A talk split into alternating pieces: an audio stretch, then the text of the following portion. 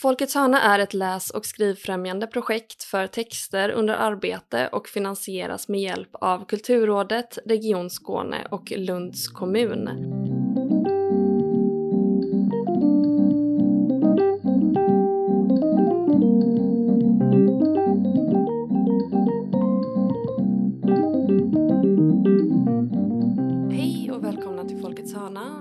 Podd om den skrivande praktiken. Mitt namn är Emilia Palmén. Bredvid mig sitter Agnes Stenqvist och idag pratar vi med Nina Pasqual. Hej! Hej! Eh, 2021 kom din debutroman Vi röstar om vi saknar mamma ut. Eh, det är en berättelse från en charterö ur 12-åriga Cornelias perspektiv. Eh, den både hyllades och katapultpris nominerades. Kan inte du berätta lite om din eh, debutantupplevelse? Oj, vilken stor första fråga. Ja, vi börjar stort så kan vi smalna av sen. Ja, men det är nog bra. Ja, alltså så, det var, det var stort. För mig var det väldigt stort. Um, ja, typ på ett sätt så känns det, man stör sig typ på folk som är så, ah, det var ganska jobbigt att debutera. Uh, men det var, det var lite jobbigt, det var stort. Uh, och jag tänkte kanske att jag var lite beredd på hur det skulle vara. Alltså jag ändå, det var länge sedan jag skrev den här boken. Uh, och jag jobbar som bibliotekarie lite som litteraturkritiker också. Jag är liksom i den här bokvärlden liksom. Så jag tänkte så, jag vet lite hur det går till. Mm. Men det var väldigt annorlunda att komma ut med sin egna bok. Alltså, och det borde jag väl fattat, men eh, jag, kände, det var liksom jättehärligt och jätteuforiskt, men jag kände mig också då ganska så sårbar typ. Och lite så, uh, man ramlar in i ett sammanhang och bara... Um, det var en ny roll då på något sätt. Ja. Läskigt. Mm. Men eh, du sa det här om att det tog en ganska lång tid att mm. eh, skriva den här boken. Eh, vi läste att du började skriva den på Fridhems eh, mm. Eh, skrivarlinje när den fanns. Den är väl kvar nu tror jag till ja. och med. Ja, jag var eh. den sista liksom, årskullen. Ja. Så vad fan var det, typ 2013 kanske? Ja, så, och sen kom den ut 2021 så det är ju liksom åtta år senare då. Mm. Nej det tog skitlång tid för ja. mig att skriva den. Vad var det som hände däremellan? Skrev du på den liksom konstant eller hade du den i en låda? Och plockade fram den? Det var lådan. Det var låda. Mm. Nej jag hade att det var verkligen så jag, tror jag, jag brukar beskriva det som ett av och på förhållande, fast ja, under väldigt lång tid. Men det var som att jag kunde ta upp den kanske så eh, var sjätte månad kanske, skrev lite, Eh, sen orkade jag inte med det, spögnade den, så tog jag upp den igen. Och varje gång som jag öppnade det här dokumentet så var det som att jag bara, men gud, den är ju bra, mm. typ. Och att jag bara, jag måste skriva klart den. Men eh, jag fick liksom aldrig styr på det. Dels var det att jag hade svårt att få tid, alltså så. Ni vet, man, eller, ni vet, man slutar skriva linjen och sen så började jag plugga och sen så jobbade jag heltid liksom. Mm. Um, men den var liksom både mitt dåliga samvete och så min lilla guldklimp typ. Mm. Alltså jag älskade att hålla på med den samtidigt som jag var så, åren gick, den måste bli klar. Alltså, jag blev lite så besatt av att den skulle bli det. Vilket ju är bra, för den blev, blev det. det. Ja.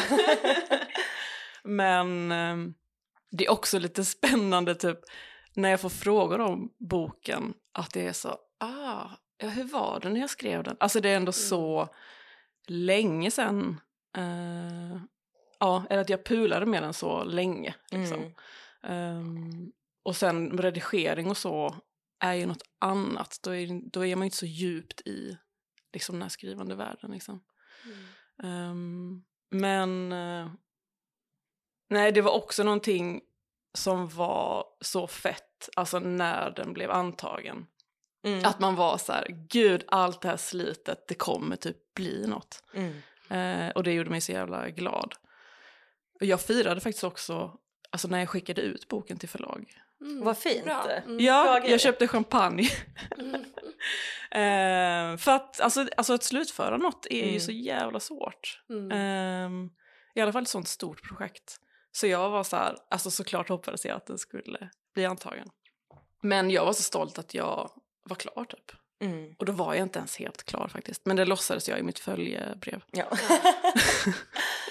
Och, men under eh, alla de här åren som den här, det här manuset har legat och liksom pockat på dig, Mm. eh, har det, hur har det sett ut? Har det, liksom, eh, har det haft samma form hela tiden? Eller har det ändrats mycket? Eller bara, vad har kärnan varit? Mm, det har inte ändrats så mycket. Alltså jag skrev ju, alltså jag var nog väldigt metodisk så att jag skrev till. Så jag, för jag hade ganska klart med mig så tonen och liksom eh, formen och hur mycket jag ville skulle berättas inte typ. Ehm, jag tror också att jag är en ganska långsam skribent. Även ifall jag hoppas att det kanske kommer gå snabbare med nästa bok. Men jag var ganska så med den boken att det kändes som jag så skrev två meningar och tog bort en. Typ. Mm. Ja. Ehm, men jag ville också åt det här avskalade tror jag. Um, sen kan jag också tänka att det kanske var bra för just den boken att den fick ligga till sig. Alltså det vet man inte. Men Varför tänker du det? ehm, för att det ska kännas värt. Nej jag vet inte. Jag vet faktiskt inte. Jag tror bara ibland tänker jag att jag behövde liksom vistas med den länge eh, för att den skulle liksom hitta rätt. Alltså det här är väldigt flummigt, det låter ju lite som att det var Det- boken som fick ja, men bestämma. det blir väl ofta det när man pratar Ja, om men- skrivande tycker jag. Ja, men Mm. med den så kände jag så i alla fall. Mm. Ehm, och där var jag också... ehm, ja, men jag tror det var det här att jag inte ville berätta för mycket. Ja, men som jag sa, det här avskalade. Att jag ville få till det. Men då kunde jag också märka så bara, men gud, nu har jag tagit bort för mycket. Alltså jag hade lite testläsare också som var så, hmm, det här är lite vagt. Ja. Ehm, ja, så då fick jag, alltså jag satt och alltså, fixade med sånt väldigt, väldigt länge. Hur mycket litade du på dina testläsare där och hur mycket kände du att nej men jag vill ändå ha det avskalat? Hur gör man den avvägningen? Mm, ja, jag valde ju testläsare som var så väldigt olika och som jag liksom, som hade läst lite innan, alltså av det projektet. Eh, då hade jag en poet och en liksom romanförfattare. Och de de tyck- ytterligheterna. Exakt. Och en deckarförfattare. Ehm, men det var väldigt, alltså om jag får, jag tyckte det var väldigt bra. Alltså de tyckte väldigt olika saker. Ehm, poeten tyckte då, han hade inga problem med att det var vagt. Ehm, men jag tyckte det var väldigt bra att få liksom två vinklar på det. Um, men jag, alltså jag, gjorde, jag sållade ju också ganska mycket i vad de sa. Typ. Um, och det tror jag är jävligt viktigt. Alltså jag hade ändå en ganska tydlig känsla för så här, så här vill jag att den ska vara. Liksom. Um, men det är fan, jag vet inte hur man, det är väl typ en konst lite att sålla i det och ha liksom någon slags magkänsla. Ehm, Verkligen. jag tror också att jag hade hållit på med den texten då ganska länge. Typ nu har jag börjat skriva på något nytt och då tror jag nästan att jag lät folk läsa för tidigt. ja. Mm. Ehm, det kan nog vara skönt att ha, alltså att man ändå är ganska grundad i så här, vad vill jag säga och vad, vad ska det bli? Typ. Mm. Ehm, för nu när jag eventuellt var lite för snabb med det så kände jag mer så, oj det kan bli det här, det kan bli det här. För alla tycker ju olika liksom. Ja. Mm. Och som läsare, eller det har jag själv märkt ibland när man ger kommentarer, alltså på kompisars manus kanske. Att man är så, hmm, du kanske ska göra lite så här. För man Mm. har typ en stil som man gillar. Eller en typ av berättande som man gillar. Ehm, men det kanske inte den författaren vill göra. Det kanske inte är den stil. Utan det är ju min stil eller min preferens liksom. Ja, det är så Ehm, svårt med sånt, att hitta den tajmingen i, i respons när Mm. man behöver den. Och just det att man kan också, alltså hur man själv mår när man får respons och vad man känner inför sin text, att det är så många olika variabler som spelar in. Mm. Jag vet att jag läste, kommer inte ihåg om det är Tove Janssons pappa, han var ju skulptör. Mhm. Eh, men att det var ett citat, jag tror kanske det var han, eller så har jag helt fel nu. Men det var en skulptör, potentiellt Tove Janssons pappa, som eh, sa att han kunde liksom aldrig berätta för någon vad han skulpterade.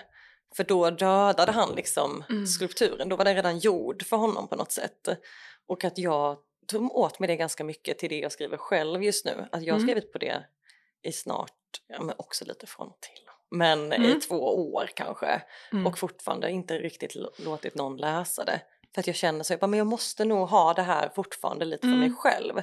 Innan jag är mottaglig för liksom någons tankar kring det. Visst. Och det är nästan att man är rädd att falla över, att man håller på det för länge också. Mm. Mm. Ja, det är jättesvårt. Ja, jag tror också det kan vara olika från text till text också. Eller ibland upplever jag att man kan vara så, oh, alltså en text bara kommer till en så vet man exakt, det är det här det är typ. Mm. Men med andra texter så upplever jag att man ganska länge kan vara så, ja det kan bli det här, det kan bli det här. Eh, att man står, alltså att man har svårt att göra de här Mm. valen liksom. Ja, och också just det här med att ibland så kan ju en respons Alltså man kanske känner att någonting skaver eller man kanske känner att oh, det kanske borde vara lite mer information eller Mm. kanske är lite vagt men så, så kan man ändå tänka men det kanske flyger ändå och sen så Mm. någon säger att det är lite vagt så, så får man en bekräftelse på att man själv, alltså det som skavde. Alltså sån, det. finns ju olika sorters respons. Mm. Ja men såklart. Men den här eh, romanen då, alltså var det att du plockade upp den och satte dig eh, och bara nu gör jag klart den? Eller var det att den blev klar av det här på avskrivandet? Eh, nej, det var faktiskt att jag gick ner i tid. Jag jobbade ju heltid då som bibliotekarie och så gick jag ner eh, till 80. Så jag hade liksom en dag som skulle vara min skrivdag. Mm. Och då var det som att jag bara, nu ska jag fan sitta varje fredag med den här skiten. Mm. eh, och sen gjorde jag det. Och alla tyckte det var väldigt konstigt att jag skulle gå ner i tid utan så här, jag har inga barn. Alla Ja. så här, ska du plugga? Jag bara, "N- nej. Ja. Jag ska satsa på mitt skrivande. ja, och då var alla så, hmm, okej. Men Lycka hur, eh, hur tog du det beslutet eller hur kom du fram till det beslutet? Alltså jag kom fram till det för att jag blev besatt av att jag skulle skriva klart den. Och jag är typ så en trött person. alltså jag, man hör ju om författare som bara “jag skriver på nätterna” eller Ja. typ. Och jag bara “wow, jag kan inte ens skriva på helgen” typ. Tycker jag är svårt. För då vill jag vila. Mm. Ja. Nej men eller vad fan, ja. Eller träffa kompisar eller ja, what not. Eh, men det var också någonting som var så skönt med att ha, alltså att ha en hel dag. Jag, jag satt ju inte så hela den dagen kanske. Men bara att jag visste att jag hade det och att jag skulle vara ensam. Ja, det gjorde jättemycket. Mm. Och på ett sätt, nu när jag pratar om det så kan jag också vara så, hmm okej jag satte ändå press på mig. Alltså att jag ju gick ner i tid för det här liksom. Mm. Och det var uttalat och jag sa det till och med till folk. Oj. Ehm, ja. Så, och, ja. Men jag tror jag behövde det liksom. Hur eh, mycket hade du klart av din roman då? Hur mycket tillkom efter att du liksom bestämde dig för att göra färdigt den? Mhm, När jag hade gått ner i tid och sådär. Mm. Ehm, men det var kanske... Uh, jag, det är också att jag bara... Oh, jag måste tänka. Men kanske mm, ett år eller två. Mm. Men hur, mycket av, hur mycket av texten var klar då? Visst, hade du, eh, hade du en ram? Hade ja, du, alltså liksom- mycket var klart. Det var med att jag hade så luckor som var delar som jag kanske tyckte var lite ointressanta. Alltså så tycker jag det kan vara med skrivandet, att det är så, Mm. "Åh, här ska någonting till men jag vet Ja. inte vad liksom. Eh, och slutet eh, hade jag jättesvårt för hur jag skulle göra med. Mm. Och där ändrade jag mycket fram och tillbaka. Ehm, och det var heller inte faktiskt klart när, jag liksom, när manuset blev antaget. Mm. Då sa min förläggare så, ja ah, det känns inte riktigt klart här Mm. mot slutet. Eh, och så sa jag, ja, ja, jag vet. Mm. så då jobbade jag med det. Ehm, men, det var, jag, så, men jag skrev ju faktiskt inte så mycket efter att manuset blev antaget. Mm.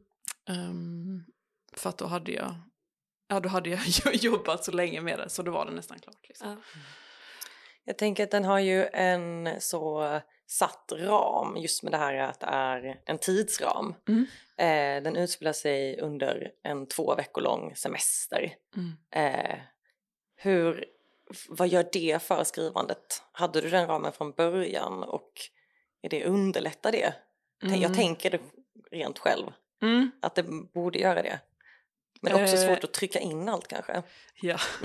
Först var jag tänkt att, det bara, att de bara skulle vara där några dagar, typ Ja. fem Mm. dagar. Men då var det som att jag bara, gud det är så mycket som jag En- vill ska en hända. månad Ja, exakt. eh, nej men jag valde, alltså det, det är faktiskt lite kul för jag var ganska så strategisk. Eh, jag sökte ju med den här boken till mitt andra år på skrivarlinjen. Som liksom projekt Mm. I guess. Och då var jag så, okej jag ska inte göra det så svårt för mig. Jag ska ha så här ett perspektiv, en person eh, under avgränsad tid. Ehm, för att det kändes som, så, ja, men som du säger, lätta ramar att förhålla sig till. Och från början så var jag ännu mer så eh, att jag bara, det ska inte vara några tillbakablickar, det ska inte vara typ några minnen, ingenting, bara liksom där nuet. Ehm, men där ändrade jag lite efter eh, när jag höll på och skrev. För när jag, det var som att jag bara, okej då måste man måste få ett sammanhang lite här. För man, vi får ju ta del av så hur familjen är på den här semestern och hur Mm. mamman är och hur systrarna är mot varandra. Och vet man då inte hur de är hemma så ehm, ja, det ger liksom en, en till dimension på okej hur flippat är det som händer på den här ön. Mm. Vi kan ju säga det för lyssnarna också att det är Ja. en ehm, eh, Cornelia, vilket perspektivet det är, det får man, som man får ta del av. Hon är mellansystern i den här Mm. syskonskaran. Eh, och hon är 12 då som sagt. Och så är det hennes, eh, eller syskonen och hennes mamma då har Precis. på en solsemester. mm. Eh, och mamman, jag tror det beskrivs som att hon är lite fladdrig. Mm. Hon, Det är ganska snällt. mm, sagt. Mm. Snäll beskrivning. Men visst, hon är väldigt eh, oberäknelig skulle jag säga. Ehm, och så svår att få grepp om. Och ehm, kan skifta väldigt snabbt i liksom humör. Mm. Ehm, Och vad var det när du säger just att du behövde liksom eh, mer bakgrundsinformation för att förstå den här eh, ja, men konstellationen och de olika liksom, Mm. viljorna eller karaktärerna och så. Vad är det som, när du skrev bara utifrån där och då, vad var det som gick förlorat då? Um, men det var väl just att man vill jämföra med liksom vardagen som de hade hemma. Uh, och i boken så, så är det ju så att man märker att eh, mamman inte bara är så på den här semestern. Eh, de åker ju dit lite på den här semestern för att liksom läka, eller mamma ger det här som present till sina döttrar typ. Att nu ska vi ha det så himla fint och ni ska få bestämma allt som vi ska göra. Alltså lite som jag tänker att det är på semester, så här, man har sina förväntningar och um, men som det är för oss andra kanske också, när man är på semester så följer ju liksom bagaget, Mm. ja, det blir en ordvits. Nej men så här, problemen som man hade hemma följer ofta Mm. liksom med. Eh, och så visar det sig också vara för den här familjen då att mamman är liksom eh, lika oberäknelig eh, och eh, hotfull, liksom otrygg Mm. eh, som hon är hemma. Vi pratade en del om, jag och Emilia, om karaktärsbygget i, Mm. I boken och just om att eh, vi båda tyckte att du har gjort en väldigt snygg avvägning av att så här, undvika typ till exempel tropen så, dålig mamma Mm. och skapa väldigt så ändå en komplexitet. Eh, det finns en scen i, i boken, utan att spoila, men där man tänker att, eh, att mamman kanske ska bete sig på ett visst sätt eh, och liksom lämna barnen i sticket när ett barn lite, lite så här ropar på hjälp. Eh, men att hon då istället liksom direkt kommer flygande tillbaka. Eh, och att det är så att man, man eh, överraskas lite av, av eh, mänskligheten eller vad man Mm, ska säga mm. i hur karaktärerna är byggda. Mm. Och jag undrar hur du jobbar med att, eh, att bygga dina karaktärer. Mm. Jag jobbar nog med att tänka väldigt mycket, alltså innan jag skriver. Uh, alltså att jag bara typ ligger i badet och tänker. Vad härligt det låter. det låter Ja. Men, eh, eller promenera, alltså att jag är så här, okej vad gör karaktären? ehm, om den handlar i konflikt med typ en kassörska när det handlar. Eller typ att jag gillar att sätta de olika scenarion. Mm. Typ. Ehm, och sen när jag väl skriver, ja men då tänkte jag väl också att jag ville ha en nyanserad bild av mamman. Eh, och jag, när jag skrev så jag var också intresserad av alltså barns eh, liksom, instinkt att älska sin förälder liksom, och mm. att bli omtyckt av sin förälder. Eh, och eh, vilket eh, är liksom väldigt rörande att föräldrar kan ju bete sig ja, men nästan hur dåligt som helst. Och många barn kommer ändå liksom försvara sin förälder eller liksom komma tillbaka till sin förälder. Mm. Och jag tror föräldrar kan bete sig pissigt mot sina barn eh, men ändå älska dem liksom, och eh, vilja ge dem värme och kärlek. Eh, samtidigt som de skadar dem. Mm. Um, och det tyckte jag var väldigt så intressant. Var det svårt att skriva det? Ja. Um, och där var det också som att jag... Ja, det är svårt för det är liksom ett myller av känslor och det finns liksom olika maktrelationer och det finns, ja men lite som du sa så vill jag inte att det skulle bli en klyscha med typ så här, här är den här mamman som, eh, som misshandlar sina barn eller som eh, sätter skräck i sina barn och barnen hatar henne. Eh, I och för sig, en av barnen hatar ju henne mm. mer än de andra, stora systern Sabina som mer är liksom i en så öppet krig. Liksom. Hon är ju eh, också äldre. Exakt. Hon är ju liksom, ja men tonåring. Precis. Tänk att då hatar man ju ändå sina föräldrar. Ja. eh, men jag tänkte på det också, för den som vi sa så är den ju eh, skriven utifrån Cornelias perspektiv. Eh, och där tänker jag på tonen mm. som boken har. Mm. Att det är ju en karaktär som befinner sig i den här uh, mellanåldern mellan barn och att vilja vara vuxen eller vilja vara tonåring, vilja vara åtrådd mm. typ. Eh, och hur det var att skriva den, att hitta den tonen. Mm. Eh, för jag tänker att det är så mycket ett pen, pendlum mm. eh, däremellan, att hitta, hitta rätt i den. Mm. Um, alltså jag hittade nog hennes röst så ganska snabbt. Eh, och jag tyckte den var väldigt så kul. Alltså för mig var det väldigt kul att skriva utifrån liksom ett barns eh, perspektiv. Och en del av det var väl att jag liksom gick tillbaka, och, eller så mindes hur det själv var att vara barn. Men en del var nog också att jag bara alltså, göt ner typ en röst eller en, en personlighet. Hon tänker ju så på ett ganska speciellt sätt. Um, och jag tyckte typ att uh, hennes röst uh, kom med liksom en energi som ledde vägen lite till alltså hur formen eh, eller språket blev. Liksom. Mm. Jag tänkte typ inte jättemycket på den, tror jag, utan hon Nej. fick så leda väg på något flummigt sätt. Mm. Fint. Ja.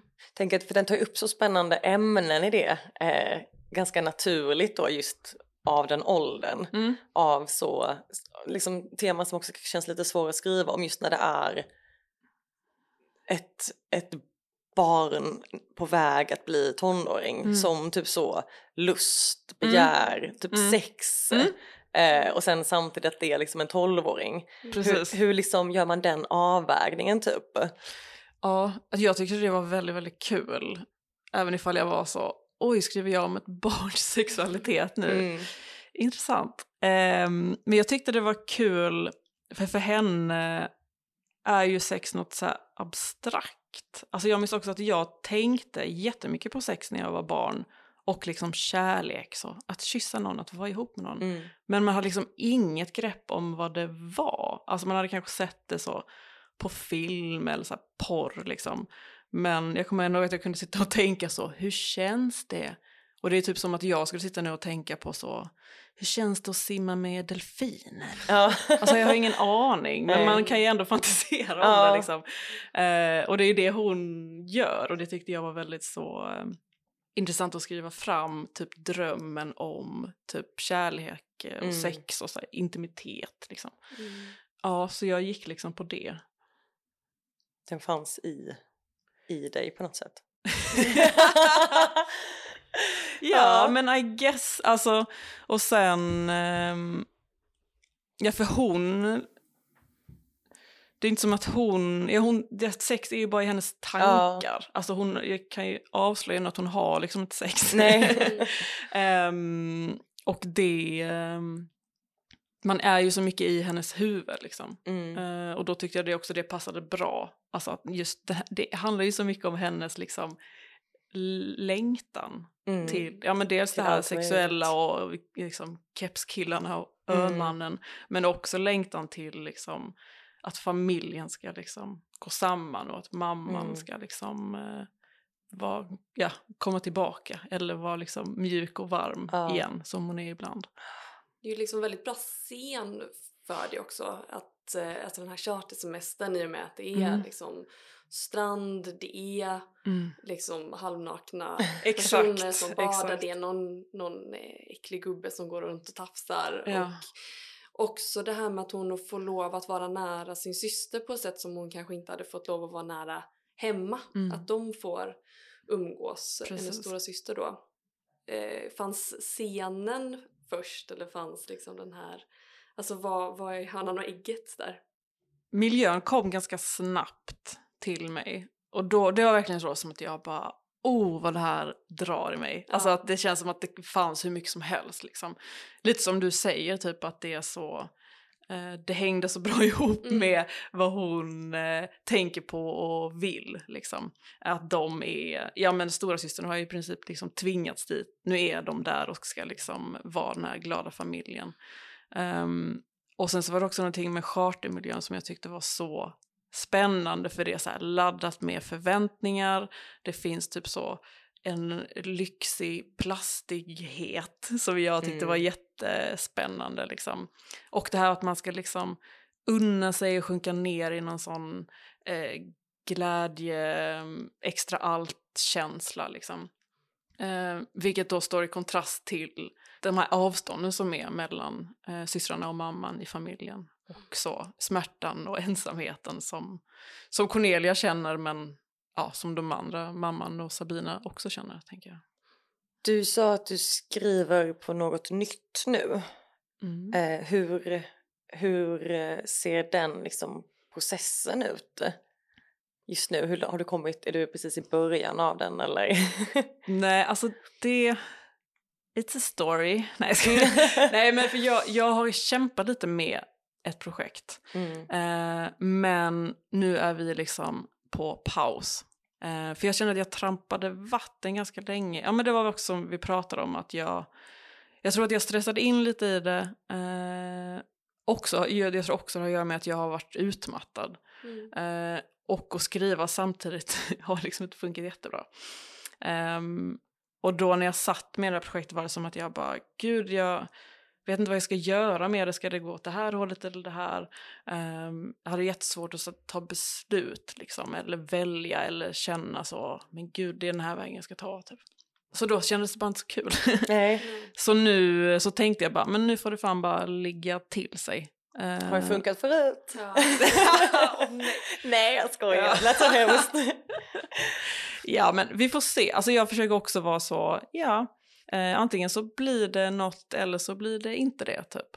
Eh, jag går ju runt och tänker på det, ehm, men eh, nu skriver jag liksom på andra grejer istället. Mm. Vilket i och för sig är kul. Ehm, men vi får se. Jag, Mm. jag tycker liksom om, eh, om det, så jag hoppas att det blir någonting med det. Ja. Det är en, någon slags roman. Ja, roman. precis. Så, men inte någon uppföljare eller? Nej, inte, nej, nej. nej. Nej, gud nej. nej. Jag har varit så jag ska aldrig skriva om barn igen. Då lämnar vi barnen. Nej. Eller alltså, samtidigt, vem vet? Alltså, det var lite när jag, när jag kom ut med den här boken så var det som att jag bara, åh gud, var den här boken som skulle bli min debut? Åh Ja. nej, typ barnångest på, alltså även ifall jag älskar den, att jag var så, åh, eh, det här kan jag inte skriva om. Och nu det här projektet som är så hemlighetsfullt liksom pratar om, där är det verkligen, det är mer så vuxna, sex, romantik. Mm.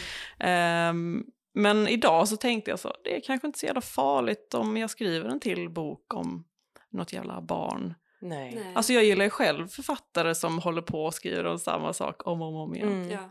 Men jag tror, med mig själv så har jag känt så, nej det kan man väl fan inte hålla på och dra i. Nej. Men Man kan göra vad fan Maybe. man vill. Ja, ja, alltså så länge det är kul.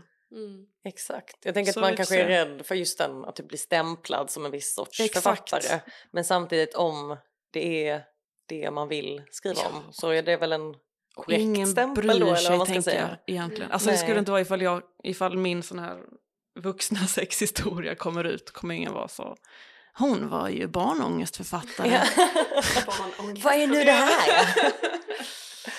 Nej, exakt. Inte stänga några dörrar för en själv.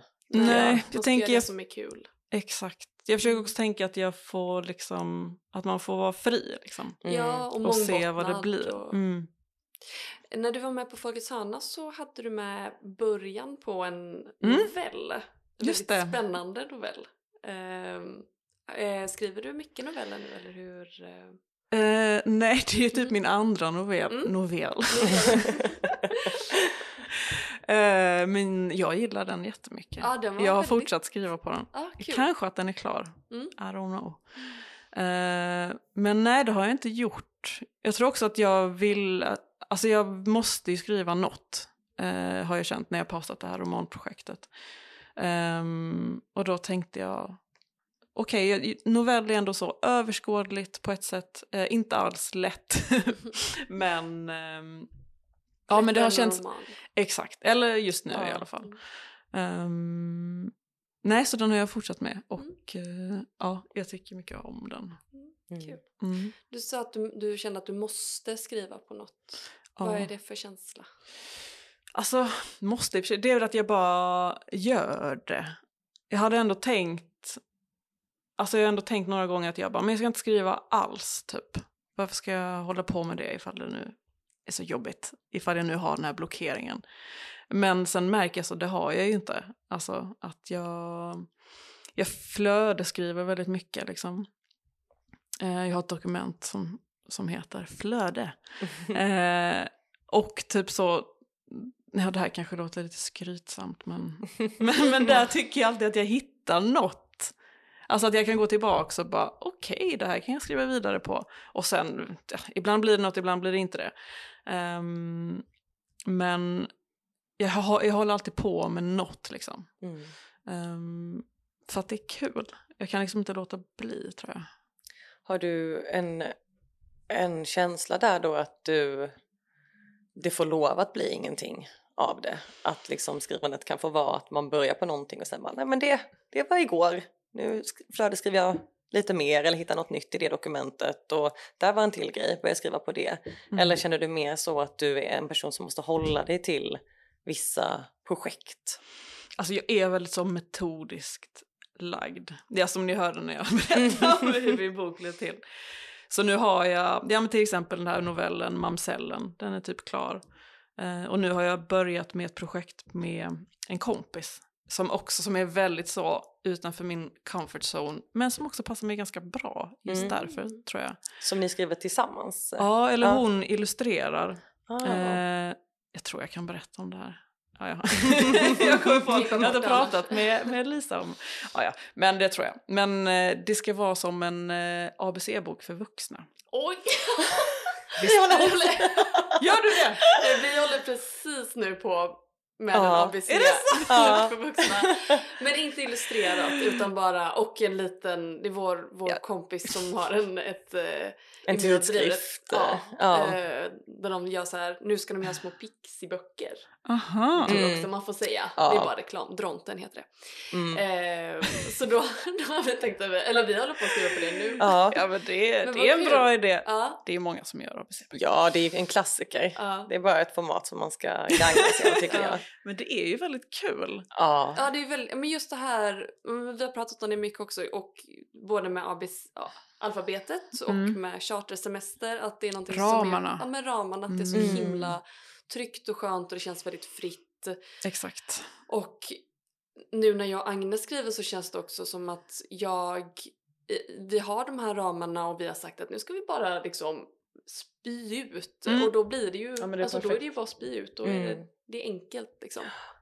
ja. Men berätta mer om ditt, eh, om ert ABC-projekt.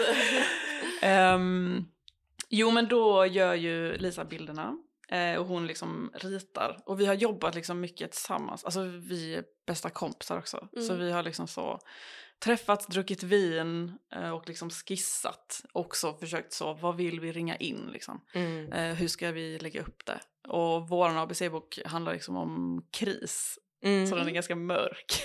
typ någon slags medelålderskris eller 30-årskris. Eh, som, inte för att jag har det, Skojar, det har jag. Ehm, men då skriver jag liksom dikter på rim. Mm. Så klassisk ABC-boks-style. Eh, och det tycker jag är skitkul.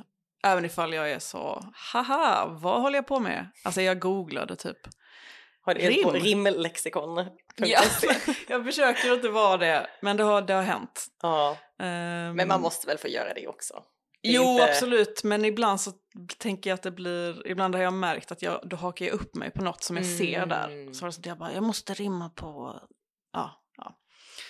Men, eh, men det är väldigt kul, det är också kul att jobba med någon. Alltså vi har ju mycket att vi liksom skickar grejer till varann. Hon skickar en skiss till mig, nu har jag gjort det här, då jag skickar så en dikt till henne. Mm. Ehm, och det tycker jag är väldigt nice. Alltså skrivande annars tycker jag är så himla ensamt liksom. Mm. Eh, vilket jag kan uppskatta också. Men eh, det här känns eh, väldigt så kul och Mm. liksom, ja sen får vi se vad det, vad det blir av det liksom. Ja. Men oavsett vad det blir av det så tror jag att det finns en jätteviktig och stor grej i att göra saker som man njuter av Mm. på det sättet och Verkligen. speciellt kopplat till skrivande. Eh, jag tycker det är kul också precis det här med att jobba med varandra. Eh, just som vi sa att vi har ju gjort det lite, jag och Emilia. Och att det också är något väldigt fascinerande i att möta en annan röst. Nu är det här illustrationer. Mm. Men just i det, att det är liksom att utmanas på det planet också. Att typ Mm. försöka skapa något gemensamt utifrån två olika tonaliteter Mm. är väldigt roligt. Och se hur man påverkas också av varandras röster och nästan Men skapar skriver en ni typ ny. varsin bokstav då eller skriver ni tillsammans? Nu har tillsammans? vi eh, skrivit, eh, eller jag skrev ju idag till lite, Mm. eh, så vi har liksom skrivit som en lista nästan. Mm. Och då har vi lagt till och sen har vi inte börjat redigera det riktigt än. Eh, så vi får se, men vi har skrivit lite innan också en text. Vi har alltså, eh, ja vi har skrivit på en text också innan men eh, jag vill bara säga om det här med ABC, alltså det Mm. som vi har som eh, utgångspunkt där temat för tidskriften är lyxighet och sen så har vi Okej. anledningen till att vi gör den här liksom just ABC-formen för det är ingenting som är Alltså det är ju någonting som vi har kommit på då. Det är utifrån en, en, eh, en låt. Eh, så då har vi den här låten som lite som inspiration. Och sen så Mhm. har vi... Vad är det för låt? Det är en låt som Gud, nu heter... jag inte jag blir så nyfiken.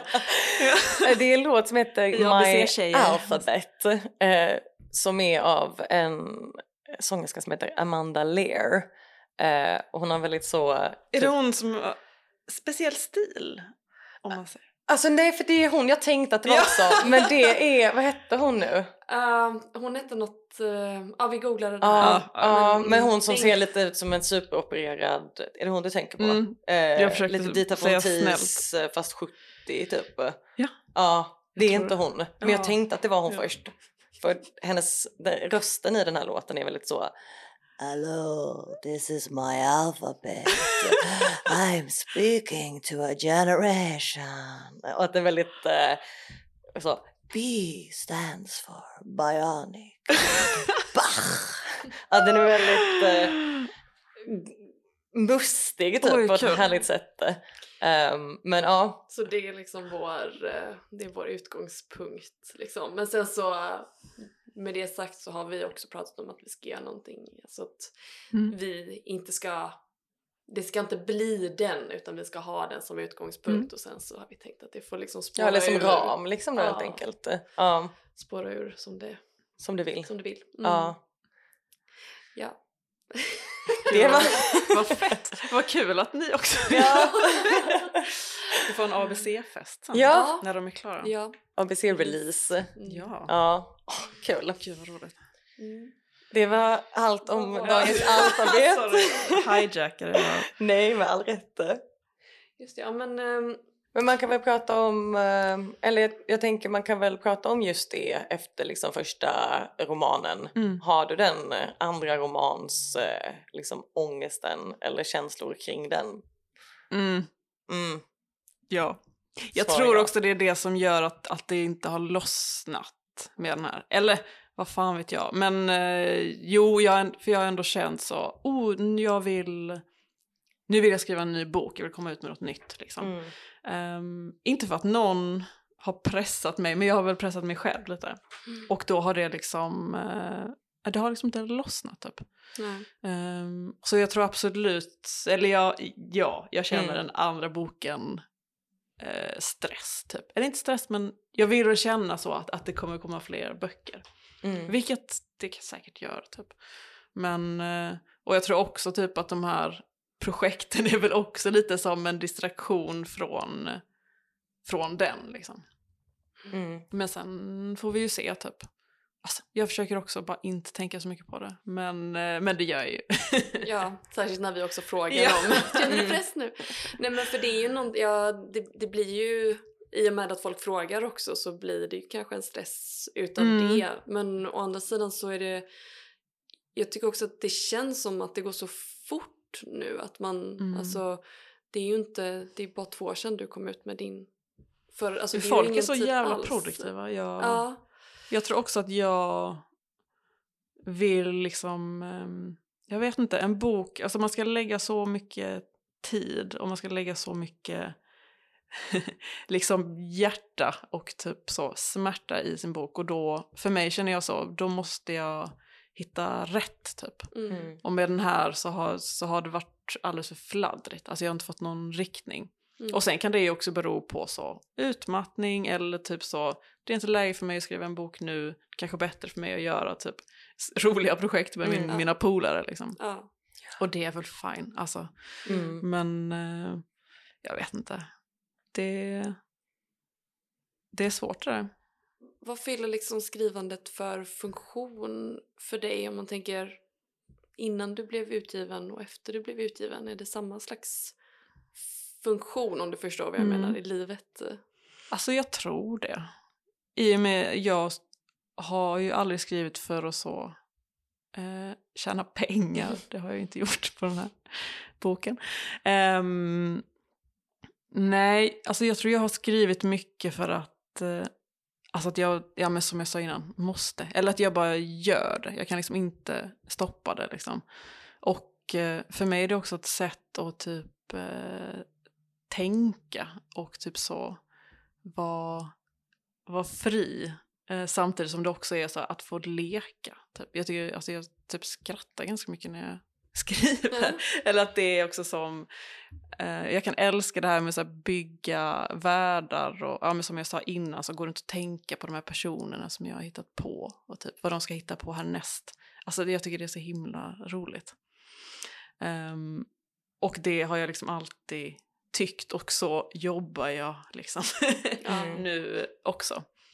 Så på många sätt är det liksom samma. Och det är inte heller som att eh, jag får väl vara transparent med att jag är heller liksom inte så känd. Det är inte som att jag har något förlag som så pressar mig att skriva. Det hade också funkat väldigt dåligt tror jag, för jag Mm. presterar väldigt dåligt under press. Ehm, men det kan också vara så en frihet liksom. Att eh, det som kommer, kommer liksom. Mm. Mm. Mm. Bra svar, Mm. tycker jag. Mm. Ja, eller så snackar jag bara skit. Det kanske också varit skönt ifall mitt förlag hade varit så. Skriv en ny bok så får du jättemycket i förskott. Då kanske jag hade... Ja, Ja, det kanske know. hade varit nice på ett sätt. Mm. Men jag tänker också att, jag vet inte, det är ju en, nu är jag inte ens utgiven. Så jag pratar bara utifrån en idé. ja, men att jag tänker att om man har den ingångspunkten till skrivande som någonting som är glädjefyllt Mm. och eh, fritt Mm. så, så finns det ju någon slags clash i typ en förlagsvärld också Mm. eh, och typ hur den fungerar Mm. eh, som kanske kan vara skön att, eller skönt att få ta ett steg tillbaka från Mm. och känna just liksom att man får yrke i det fria och bara vara, vara i den skrivrollen man känner att man vill Mm. vara i. Visst. Ja. Ja, och att få ta tid och att man kan göra typ så snurriga projekt. Typ. Mm. Ehm, och så, för det ger ju också jättemycket. Mm. Eller och att det inte är någon så detour från, eh, för det är ju också skrivande, tänker jag. Ja. Och det är också så, den här leken, eller typ, och- eller utforska, ja men typ som så, att nu att jag skriver dikter på rim, Mm. alltså det är ju sjukt tycker jag. Ja. Nej men det är väldigt långt ifrån så vad jag trodde att jag skulle göra, eller vad jag tyckt så varit kul innan liksom. Mm. Ehm, och sen, jag tror inte att jag kommer bli någon rimpoet så. Men jag tänker ändå att det, eh, jag känner ändå att min hjärna typ så hittar, eh, den mår bra av det typ så. Mm. Och att den, jag tycker det är kul ändå att man ser så här ord och rytm och så på ett annat sätt. Även om, ja nej de, de är säkert bra, jag ska inte snacka ner dem. Gör inte det. Nej, det ska man inte göra. Jag Men, tänker att det eh, kanske lätt finns en, en, en slags hierarki, kanske en, en personlig hierarki i sig själv om Mm. man har skrivit på ett längre projekt. Mm. Eh, att det liksom är det som är det riktiga skrivandet på något Mm, sätt. Och att man måste kanske, eller jag kan själv känna det från större projekt jag har jobbat med, att liksom måste separera det. Mm. Att man då ser det som, ja men det här är det äkta skrivandet och allt annat är, som du säger, en detour eller Mm. något eh, för att man vill göra någonting snabbt. Mm. Du sa innan också liksom att novell är enklare att skriva. Det är ju inte riktigt sant heller på ett sätt. Nej, men det är ju mindre tids... Liksom, Ja, det, är- det är mindre tidskrävande. roman, Och framförallt, jag... jag Jag tror det håller var jag med. som sa det. Ja. Ja, men det ska inte- Nej men jag, jag tror att jag också sa det. Ehm, och jag, tyck, jag tycker det också. Mm. Eh, inte att det inte är... Det är klart att det är svårt och det är svårt att skriva alltså, bra. Mm. Men om man tänker på en... Alltså känslomässigt inför att skriva en roman Mm. eh, jä- jämfört med att skriva en novell så är det väldigt stor skillnad. Mm. Jag tycker också den här överblicken Ja. ser liksom annorlunda ut, tänker jag. Alltså hur man kan se på texten så ur ett fågelperspektiv liksom. Ja, absolut. Ja. Ha liksom koll på allt samtidigt. Mm. Så. Mm. Jag bara så scrolla liksom 200 sidor, Mm. det är ju ett helvete. Nej. Ja. Men, eh, Verkligen. men ja, nej novell är också jättesvårt. Alltså Mm. det är väldigt olika sätt att skriva, Mm. Upptäcker jag nu. När tycker du att det är som roligast att skriva? Ehm, när det går bra höll jag på att säga. Mm. Men, nej, men när jag känner mig fri, tror jag. När jag är så här, att det känns lätt och eh, lekfullt. Att det är så här, vad som helst kan hända. Alltså man har grabbat tag i en historia eller om det är en karaktär eller det kan också nog bara vara typ ett språk och så Mm. bara följer man med typ. Det, ja, det är så jävla fint. Det är en sån high. Mm. Är det liksom i ditt flödesdokument eller är det när du har liksom börjat på en, en typ novell eller en, en ny berättelse? Mm, det kan nog vara både och tror jag. Men jag tänker nog det är som mest fett när man, alltså om jag hittar något som är så, hmm, det här kanske jag kan göra någonting med. Och sen så typ dyker man in i det och så Ja. bara funkar det typ. Eller att Mm. man märker så, oj här, här finns jättemycket. Mm. När texten så expanderar för en, det är eh, fett. Tack så hemskt mycket för att du ville prata med oss idag Nina. Tack. Ehm, och tack till Klara som klipper vår podd. Tack till alla som har eh, lyssnat. Så säger vi hej då för idag.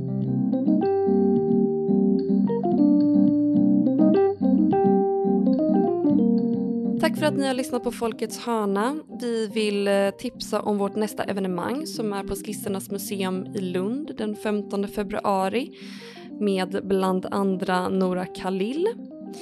Mer om detta kan ni läsa på våra sociala medier. Överallt så heter vi Folkets hörna.